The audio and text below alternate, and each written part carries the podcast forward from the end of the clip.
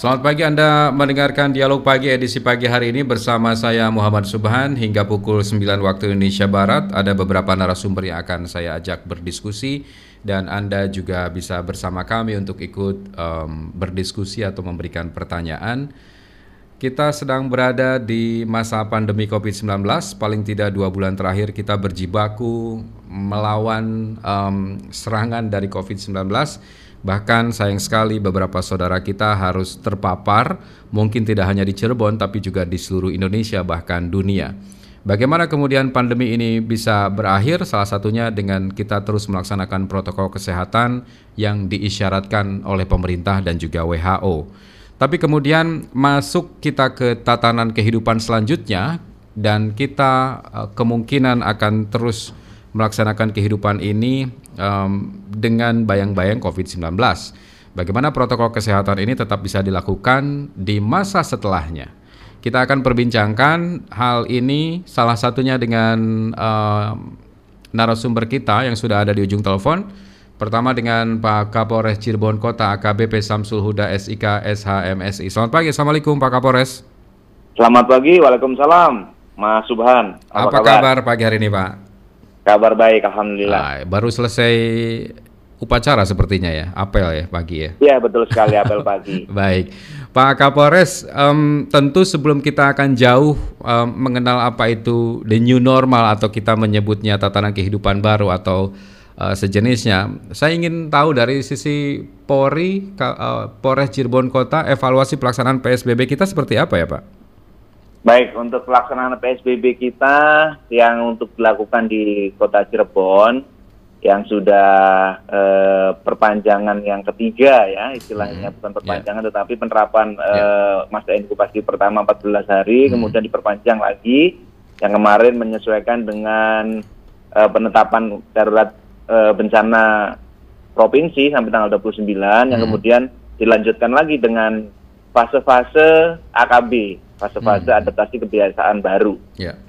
Uh, menurut kami dari evaluasi di lapangan untuk penekanan uh, pergerakan manusia hmm. penduduk itu lumayan signifikan karena uh, kita gugus tugas yang hmm. terdiri dari seluruh unsur pemerintah, TNI dan Polri serta beberapa hmm. unsur dari stakeholder yang lain benar-benar uh, melakukan evaluasi hmm setiap harinya sehingga apa yang kita laksanakan kita upayakan untuk seefektif mungkin demi kepentingan dan keamanan masyarakat Kota Cirebon. Hmm, baik, baik. Jadi terus dievaluasi setiap harinya um, betul, apa betul. namanya apa yang terjadi terutama di Kota Cirebon begitu ya, Pak Kapolres. Ya. Nah, sementara kalau kesiapan Polres Cirebon Kota sendiri dalam menghadapi era tatanan baru nanti seperti apa ya, Pak? Hari ini yang sudah disiapkan? Baik, untuk kita sebenarnya eh, persiapan khusus untuk itu hmm. sudah kita laksanakan tugas-tugasnya dari mulai pertama sekali ada eh, mulai pandemi COVID-19 ini hmm, karena iya, iya. ketika mulai sudah ada kewaspadaan terhadap COVID-19 bahkan sebelum eh, penyebarannya masuk ke Indonesia kita hmm. sudah melakukan kerjasama dengan instansi pemerintah untuk melakukan sosialisasi kepada masyarakat. Yeah. Terutama intinya kan bahwa masyarakat itu harus menjaga jarak, hmm. selalu memakai masker, rajin mencuci tangan, dan menerapkan pola hidup sehat. Itu terus yang kita sampaikan kepada masyarakat. Hmm. Tetapi mungkin dalam prosesnya masyarakat sedikit demi sedikit baru mulai menyadari ketika sudah merebak wabah pandemi itu hmm. masuk ke wilayah Indonesia bahkan masuk ke wilayah provinsi Jawa Barat dan juga hmm. ke kota Cirebon. Itu sudah kita lakukan dari awal. Kemudian dilakukan karena untuk menahan laju penyebaran COVID-19 itu diperlukan langkah seperti kekarantinaan kesehatan, hmm. maka diterapkanlah PSBB secara provinsi. Yeah. Kemudian juga diaplikasikan selama dua kali dan yang ketiga ini sebenarnya masih sama masyarakat masih diminta untuk melakukan langkah-langkah sebagaimana dalam masa PSBB hmm. tetapi dengan mempersiapkan masyarakat menuju tatanan adaptasi kebiasaan atau kehidupan baru dengan empat hal tadi selalu menggunakan masker hmm. menjaga jarak, rajin mencuci tangan, dan menerapkan pola hidup sehat. Nah, langkah apa yang kita lakukan? Langkah yang kita lakukan dari kepolisian adalah mulai dari titik tingkat yang paling depan dan Babin Kaptipmas di polsek-polsek hmm. selalu setiap hari memberikan uh, informasi kepada masyarakat, mengedukasi masyarakat bagaimana kita bisa menghadapi ataupun mencegah penyebaran COVID-19 ini, yaitu dengan empat hal tadi. Karena sebelum uh, vaksin ditemukan, hmm. obat ataupun imunitas yang paling efektif untuk mencegah wabah COVID-19 adalah dengan cara empat hal itu tadi. empat hal itu tadi ya. Betul. Hmm. Hmm. Nah, untuk bagaimana adaptasi kebiasaan atau kehidupan baru itu kemudian diaplikasikan di kehidupan sehari-hari, hmm. memang secara bertahap, dimulai dari di lingkungan industri. Bagaimana industri itu, pabrik-pabrik itu tetap bekerja untuk mewujudkan masyarakat yang aman, yeah. tapi tetap produktif, hmm. itu dengan cara merubah sistem shiftnya yang tadinya mungkin satu shift 100 orang dirubah menjadi 50 orang. Yeah. Kemudian protokol pencegahan kesehatannya, protokol pencegahan COVID-19-nya juga hmm. dilakukan mulai dari uh, pekerja masuk ke lingkungan industri atau pabrik, yeah, mulai yeah. dengan hmm. dicek suhu badannya dan itu sudah kita cek masing-masing dan itu uh, terus dilakukan begitu ya, Pak hal itu. Hmm, hmm. Kemudian untuk perbelanjaan sama, hmm. istilahnya uh, empat hal itu diterapkan di segala lini aspek kehidupan, hmm. termasuk uh, mungkin nanti pada waktunya sekolah, tapi untuk saat ini sekolah belum. Belum. Dan Baik. untuk untuk hmm. memastikan bahwa semua pelaku usaha, semua unsur masyarakat itu menerapkan itu, hmm. kita ngecek, kita ngecek ke lapangan dan mungkin ke depan uh, sesuai dengan instruksi Pak Presiden hmm. untuk TNI Polri membantu mendisiplinkan masyarakat, maka kita akan menempatkan petugas-petugas kita untuk membantu internal security dari hmm. mall untuk mengedukasi masyarakat bukan hmm. untuk menindak ya tapi yeah, untuk yeah. memberitahu masyarakat agar masyarakat disiplin. Hmm.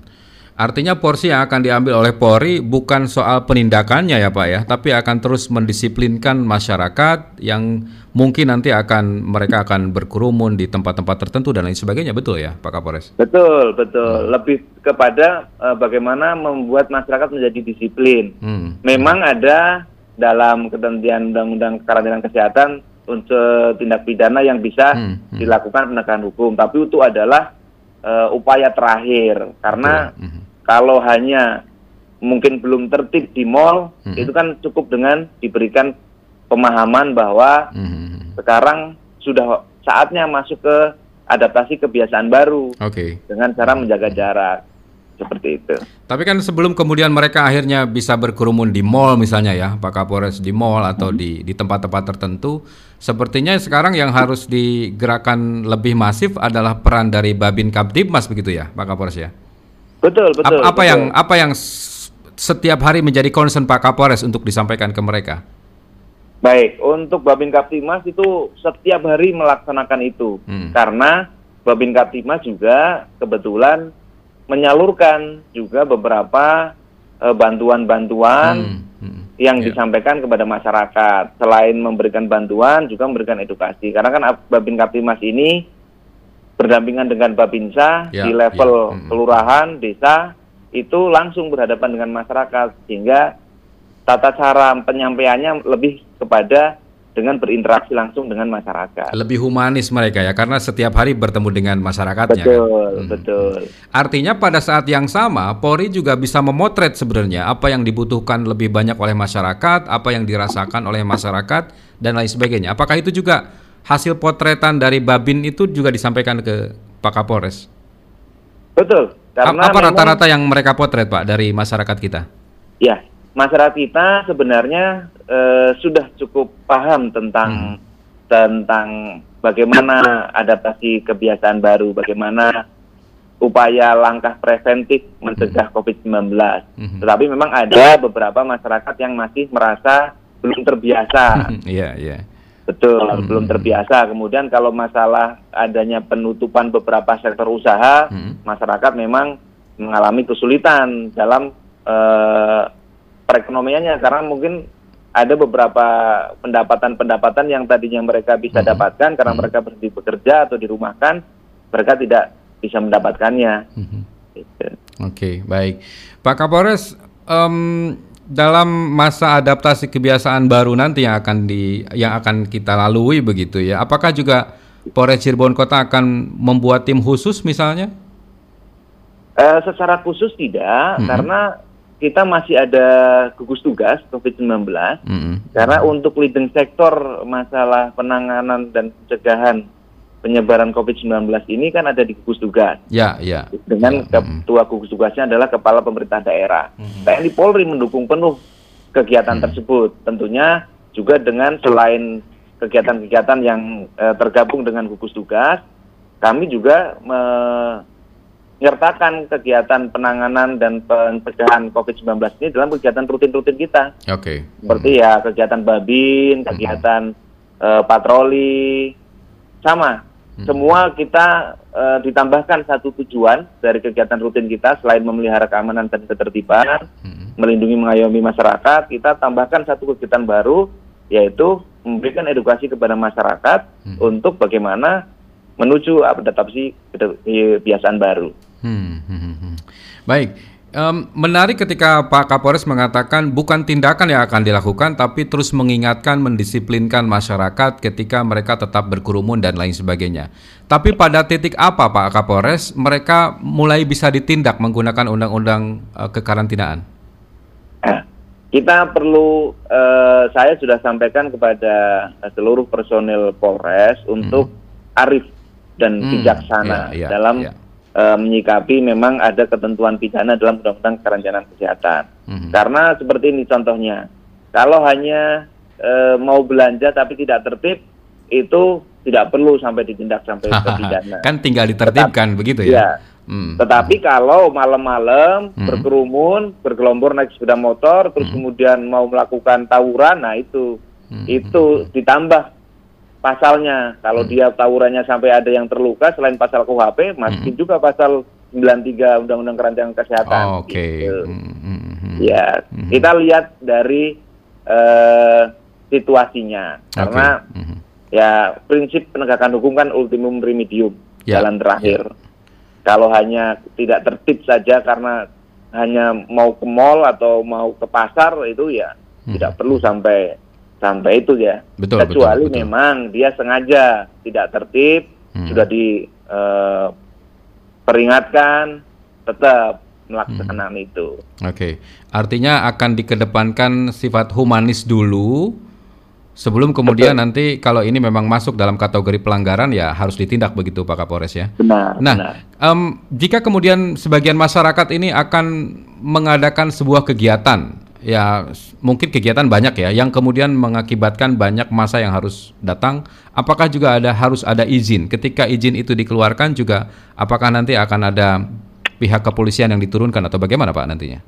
Ya itu adalah hal-hal yang memang perlu uh, diupdate setiap saat oleh masyarakat. Hmm, memang hmm. untuk kegiatan-kegiatan yang selama ini mengajukan uh, izin baik kepada gugus tugas maupun kepada kepolisian hmm. ke uh, kegiatan-kegiatan keramaian hmm. pasti kita akan temui penyelenggaranya hmm. bagaimana uh, persiapannya terkait dengan jumlah uh, ininya jumlah hmm. pesertanya ya, ya. kemudian ya. pencegahan penyebaran COVID-19 seperti apa dan kita evaluasi bareng-bareng. Tapi hmm. kalau kita menganggap bahwa uh, belum ada pencegahan yang cukup untuk bisa dilaksanakan, hmm. uh, biasanya kita uh, sampaikan untuk ditunda terlebih dahulu sehingga persiapannya lebih matang. Hmm, hmm, hmm. hmm.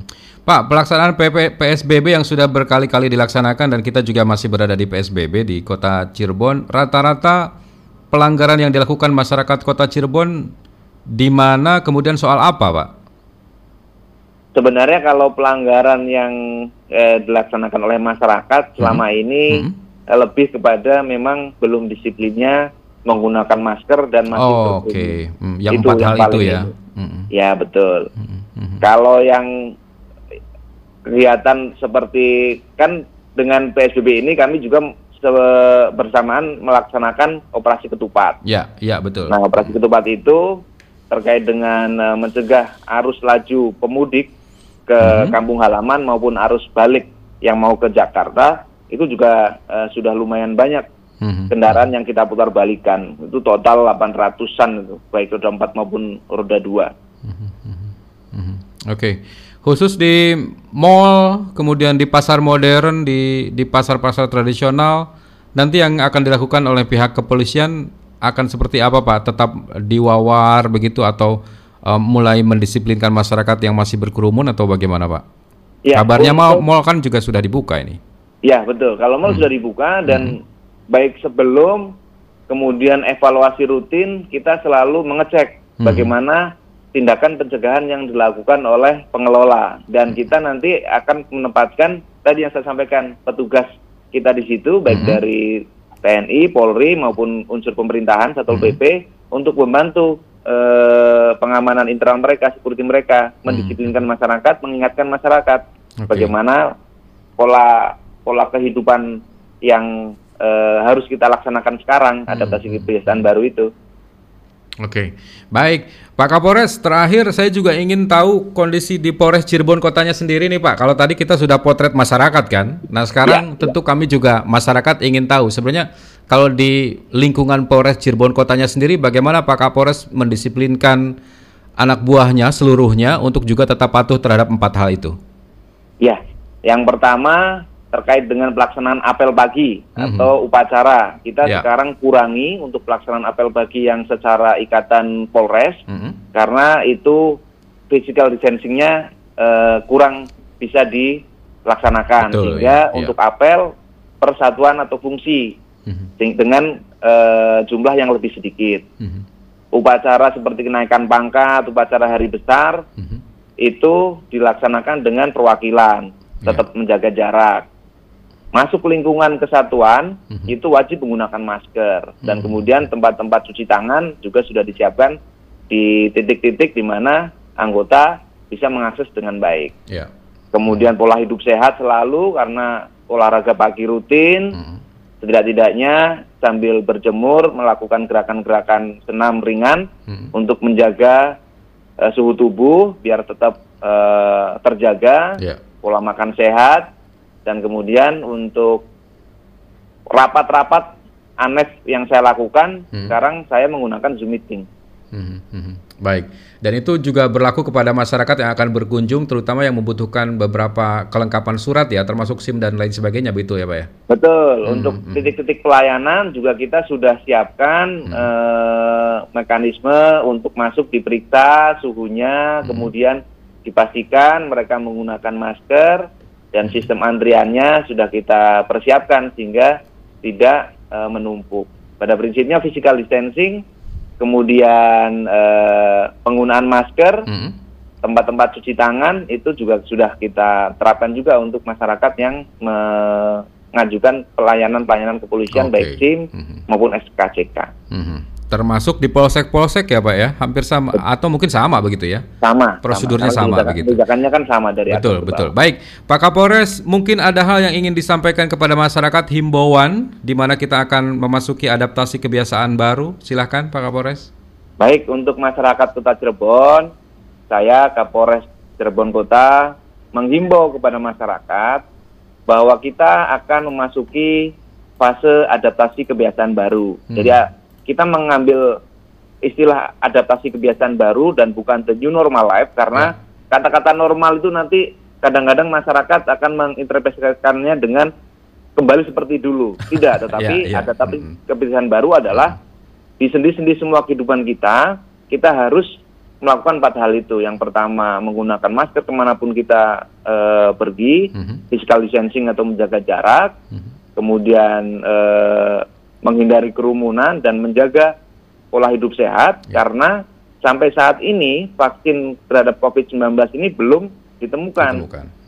Upaya paling ringan, upaya paling efektif adalah dengan empat hal itu. Ya. Sehingga kami mohon kepada warga Kota Cirebon untuk kepentingan bersama patuhi itu.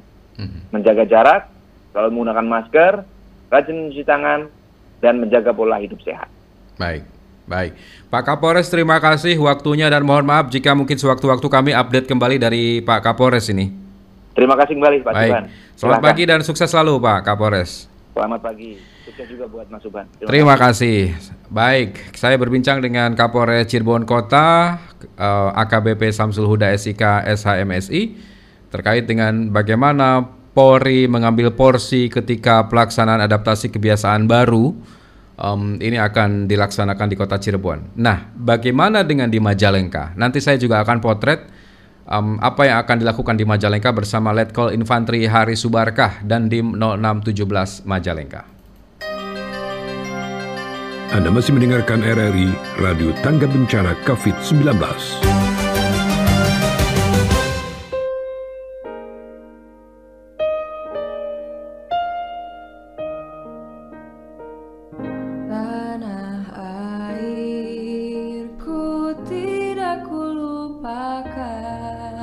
Menurut saya, hari lahir Pancasila itu adalah momen untuk kita harus uh, peduli lagi dengan bangsa ini.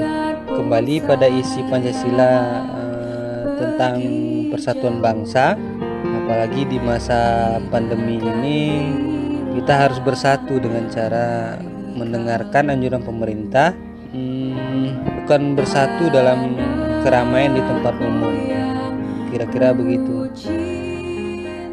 hari lahir Pancasila ya? Hmm, ya kita harus meningkatkan rasa kepedulian kita sebagai sama bangsa Indonesia.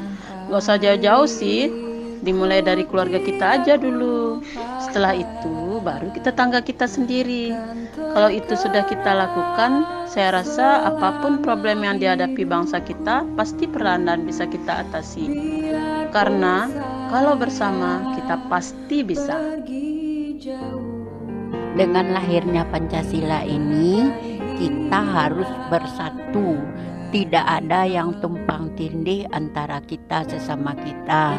Jangan sampai ada rasa egois sesama kita.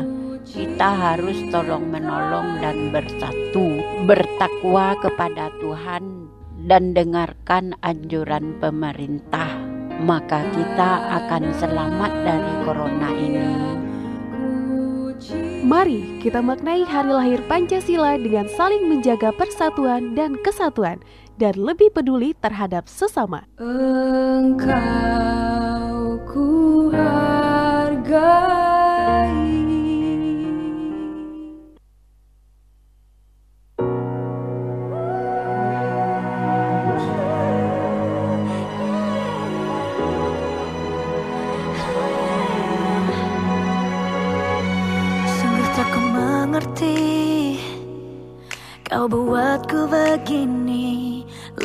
Sakit hati. Ku tak mau lagi Teganya kau ucapkan. Teganya kau ungkapkan. Kau telah menghancurkan perasaan ini. Ku kira engkaulah yang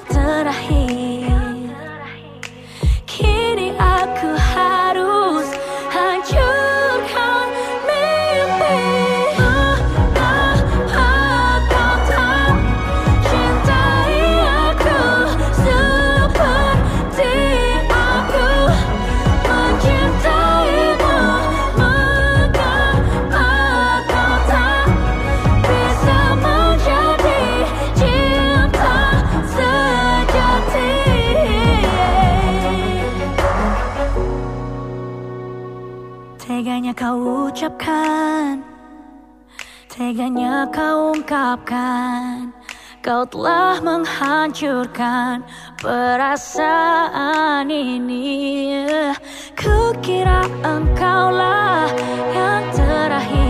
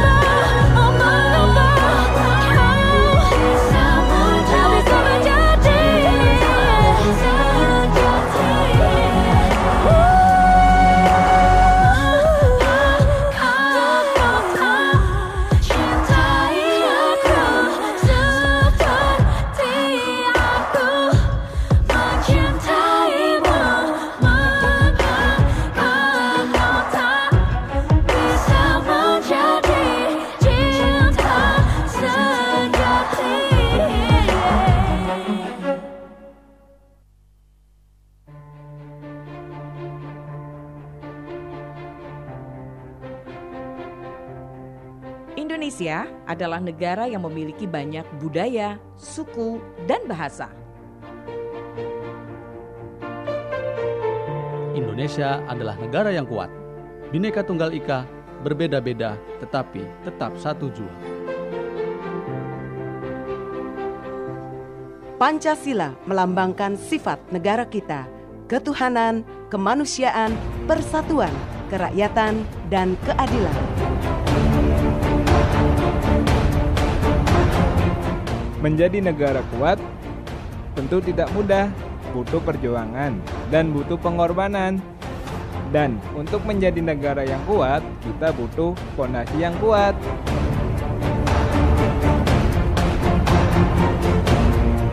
Indonesia dikenal dengan negara yang ramah, cinta damai. Gotong royong itu adalah sifat negara kita. Gotong royong adalah adat negara kita. Saling membantu, saling tolong-menolong, itu adalah sifat negara kita. Karena kita adalah Indonesia yang kuat, karena Pancasila.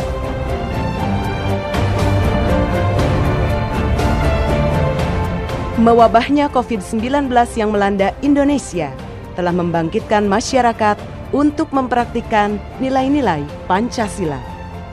Kreativitas, produktivitas dalam gotong royong menjadi kekuatan kita dalam menghadapi pandemi COVID-19. Seluruh masyarakat Indonesia saling bahu-membahu berkolaborasi menjalankan perannya tanpa memandang tua dan muda untuk gotong royong melawan corona.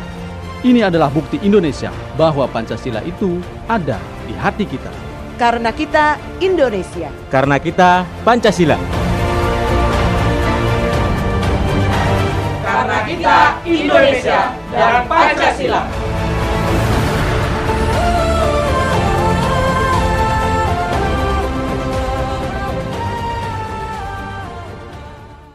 RRI Radio Tangga Bencana COVID-19 Jika Anda kemudian berpikir bahwa ketika adaptasi kebiasaan baru atau memasuki uh, peradaban baru atau new normal atau apalah itu namanya, Anda berpikir bahwa kita akan kembali ke masa normal seperti dulu, Anda bisa bebas ke mana-mana tanpa masker dan lain sebagainya, berarti apa yang Anda pikirkan itu salah karena kita tetap akan melaksanakan protokol kesehatan, kita tetap melaksanakan penggunaan masker, tidak berkerumun, cuci tangan, dan yang lainnya.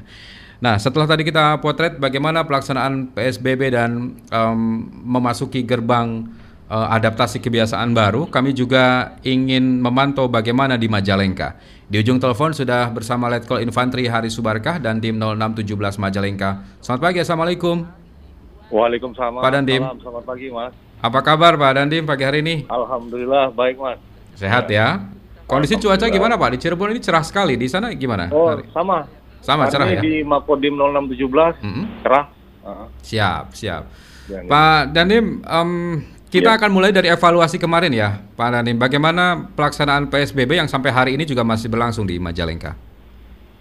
eh, jadi, Mas, eh, perlu saya sampaikan dulu bahwa PSBB di Majalengka ini menyesuaikan dengan eh, yang sudah sudah diperintahkan oleh Bapak Gubernur Jawa Barat Ya, bahwa ya. kita akan melaksanakan PSBB Mhm, tahap 3 sampai dengan tanggal 12 Juni 2020. mhm, Adapun pelaksanaan PSBB yang sudah kita lalui di tahap 1 dan tahap 2, mhm. evaluasi yang uh, yang kita dapatkan bahwa masih banyak masyarakat yang belum menyadari pentingnya Hmm. menggunakan masker. Jadi banyak yang belum memahami uh, bagaimana itu menerapkan protokol kesehatan yang baik.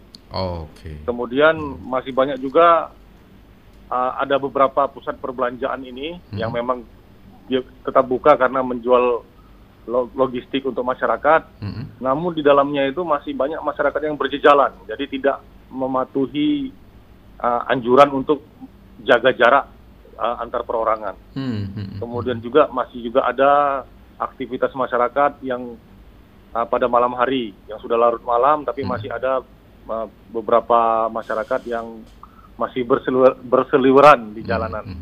Demikian, Mas.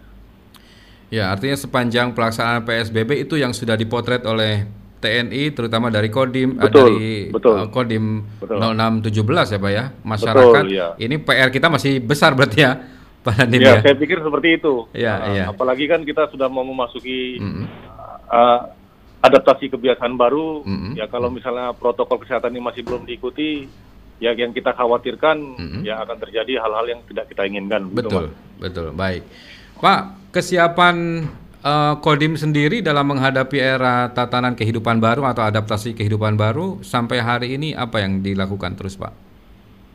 Jadi saya jelaskan dulu Mas bahwa pada hmm. tanggal 29 Mei untuk TNI kita sudah mendapatkan perintah dari komando atas kami Mabes TNI ya. bahwasanya kita menyiapkan uh, satuan hmm.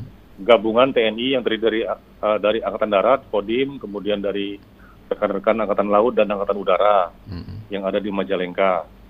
Kemudian tugas kita di sini adalah bersama-sama dengan pihak kepolisian, hmm. Polres Majalengka, ya kita menegakkan, uh, menerapkan uh, penegakan disiplin mematuhi protokol kesehatan. Itu yeah. istilah dalam TNI hmm. yang mana kita melaksanakan semacam patroli bersama hmm. ke pusat-pusat perbelanjaan, ke pasar-pasar, kemudian ke tempat-tempat yang masih banyak terdapat aktivitas publik seperti kalau malam hari ada beberapa hmm. tempat yang mungkin serupa seperti alun-alun yang masih ramai masyarakat anak-anak muda. Nah, di hmm. situ kita bergerak untuk mem memberikan istilahnya pemahaman kepada mereka bahwa apabila kegiatan-kegiatan yang seperti yang mereka lakukan itu istilahnya tidak mematuhi protokol kesehatan hmm. akan akan sangat rentan terjadinya penularan dari COVID-19. Hmm begitu mas. Oke, okay, baik. Jadi terus dilakukan ya pak ya? Um, ya betul. Apa namanya uh, sosialisasi terhadap masyarakat, terutama mereka yang masih terus melakukan aksi kumpul-kumpul ya. dan lain sebagainya ya. Betul, betul. Nah, jika kemudian pelaksanaan adaptasi kehidupan baru ini mulai diberlakukan setelah PSBB, maka sebenarnya secara umum TNI ini akan ambil bagian di bagian mananya nih Pak nih? Di bagian penegakan atau tetap memberikan sosialisasi saja, mulai membubarkan mereka yang tetap berkerumun atau bagaimana nantinya? Jadi yang Mas tadi sebutkan itu hmm. memang kita sudah kita nanti akan mengambil bagian di situ, hanya hmm. saja hmm. nanti kita tetap uh, dalam rangka yang penegakan disiplin atau penegakan hukum itu kita hmm. lebih mem kepada membantu aparat kepolisian. Oke. Okay hanya saja kalau dalam masalah uh, pendisiplinan masyarakat ini kami tetap akan mengutamakan uh, humanis, mm -hmm. sabar, santun, tidak mudah terprovo terprovokasi mm -hmm. kepada aparat yang melaksanakan penegakan disiplin. Mm -hmm. Jadi uh, tetap akan apa kita tetap akan melaksanakan sosialisasi itu jelas mas itu okay. karena hmm. memang masih banyak juga masyarakat yang belum paham. Mm-hmm. Nah, hanya saja nanti setelah beberapa waktu rencana kita nanti kalau sudah kita adakan sosialisasi beberapa kali di suatu daerah tertentu mm-hmm. dan kemudian setelah beberapa hari masih terdapat masyarakat yang masih belum bisa mematuhi mm-hmm. uh, protokol kesehatan itu uh, mungkin nanti kita akan laksanakan uh, penindakan, penindakan tapi lebih kepada mm-hmm. ini kepada teguran. Betul Jadi betul. kita tetap mau apa kita istilahnya tetap ingin masyarakat itu uh, sadar paham dulu, gitu ya. Jadi, hmm. paham ya, hmm. tidak istilahnya kita langsung melaksanakan hmm. tindakan hmm. disiplin atau apa. Jadi kita tetap akan melaksanakan uh, pendekatan secara humanis gitu, mas. Baik, baik. Penegakan hukum itu dilakukan, namun pada porsi terakhir begitu ya, pak ya, ketika betul, masyarakat betul sekali, ya. belum bisa di, didisiplinkan begitu ya. Pak Dandim betul, ya. Betul sekali, Mas. Betul Baik, sekali. Pak. Ketika mereka akan melakukan sebuah kegiatan, kita nggak tahu ya. Masyarakat mungkin ada ada sebuah kebiasaan, kegiatan desa atau apa gitu, yang kemudian mau tidak mau harus mengumpulkan banyak orang.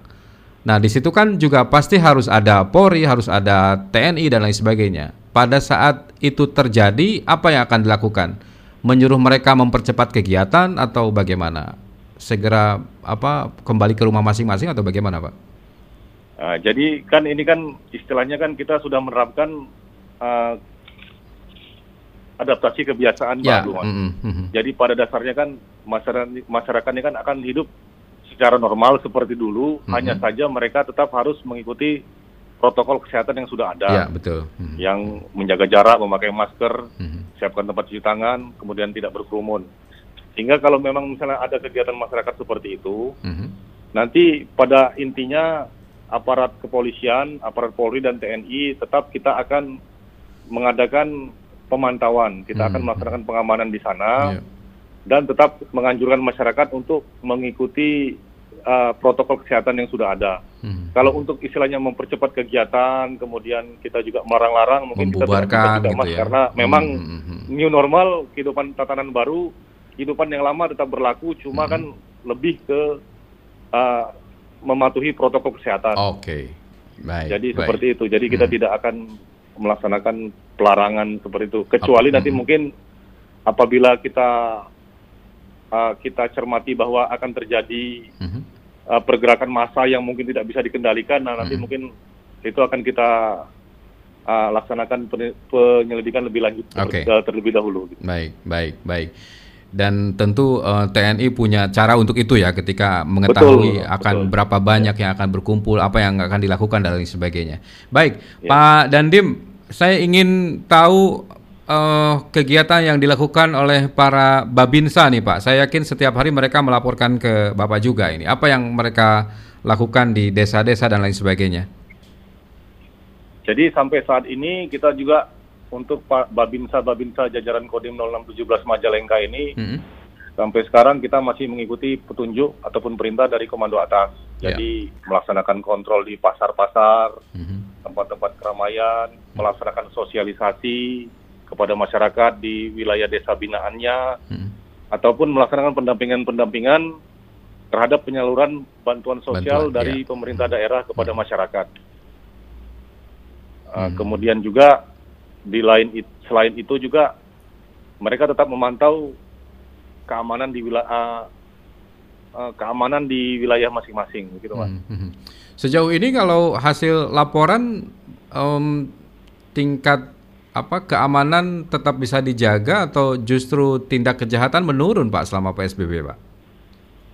Jadi untuk eh, tingkat eh, istilahnya stabilitas wilayah di Majalengka ini ya alhamdulillah Majalengka ini wilayahnya cenderung kondusif Mas, Kondusif ya. Pak ya? Jadi sehingga Ya, ya, sehingga sampai saat Hmm. ini belum ada itu istilahnya laporan-laporan Mhm.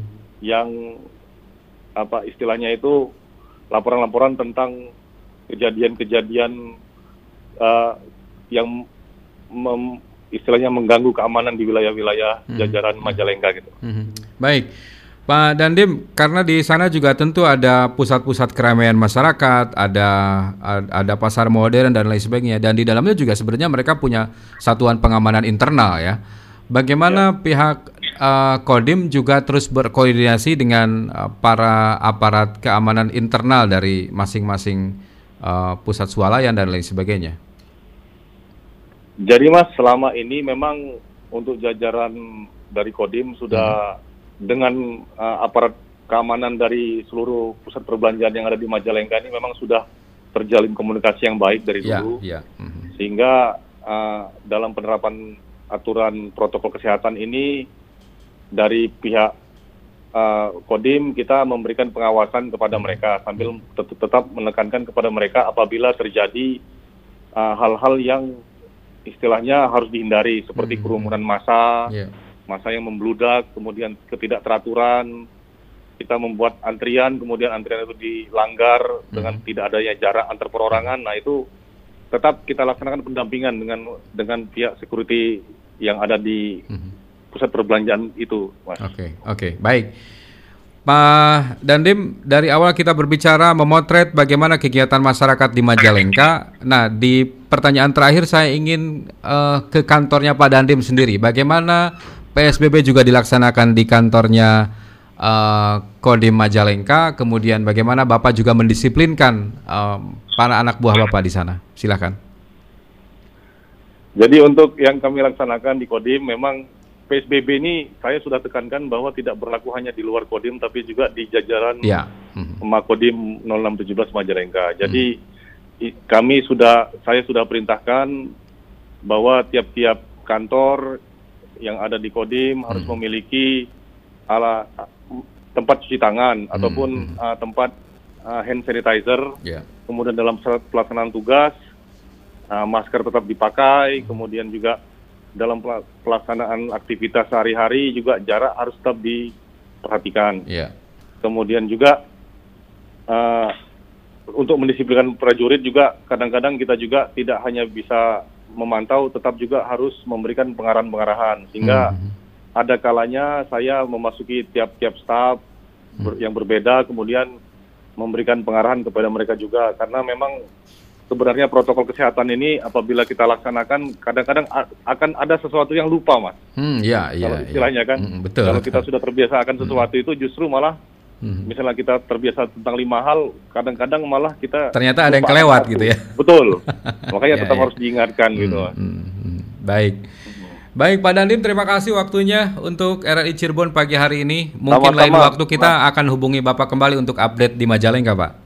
Oke, terima kasih Siap. Pak. Sama-sama. Baik, terima kasih Pak Haris Subarka. Selamat pagi, selamat ya, bertugas selamat kembali. Pagi. Selamat pagi.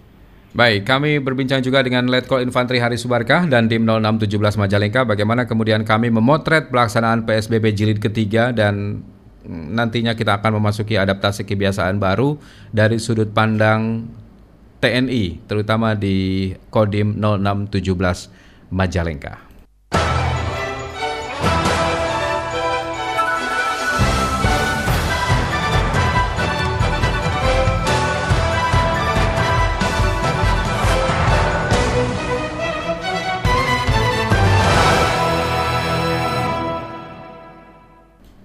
RRI Radio Tangga Bencana COVID-19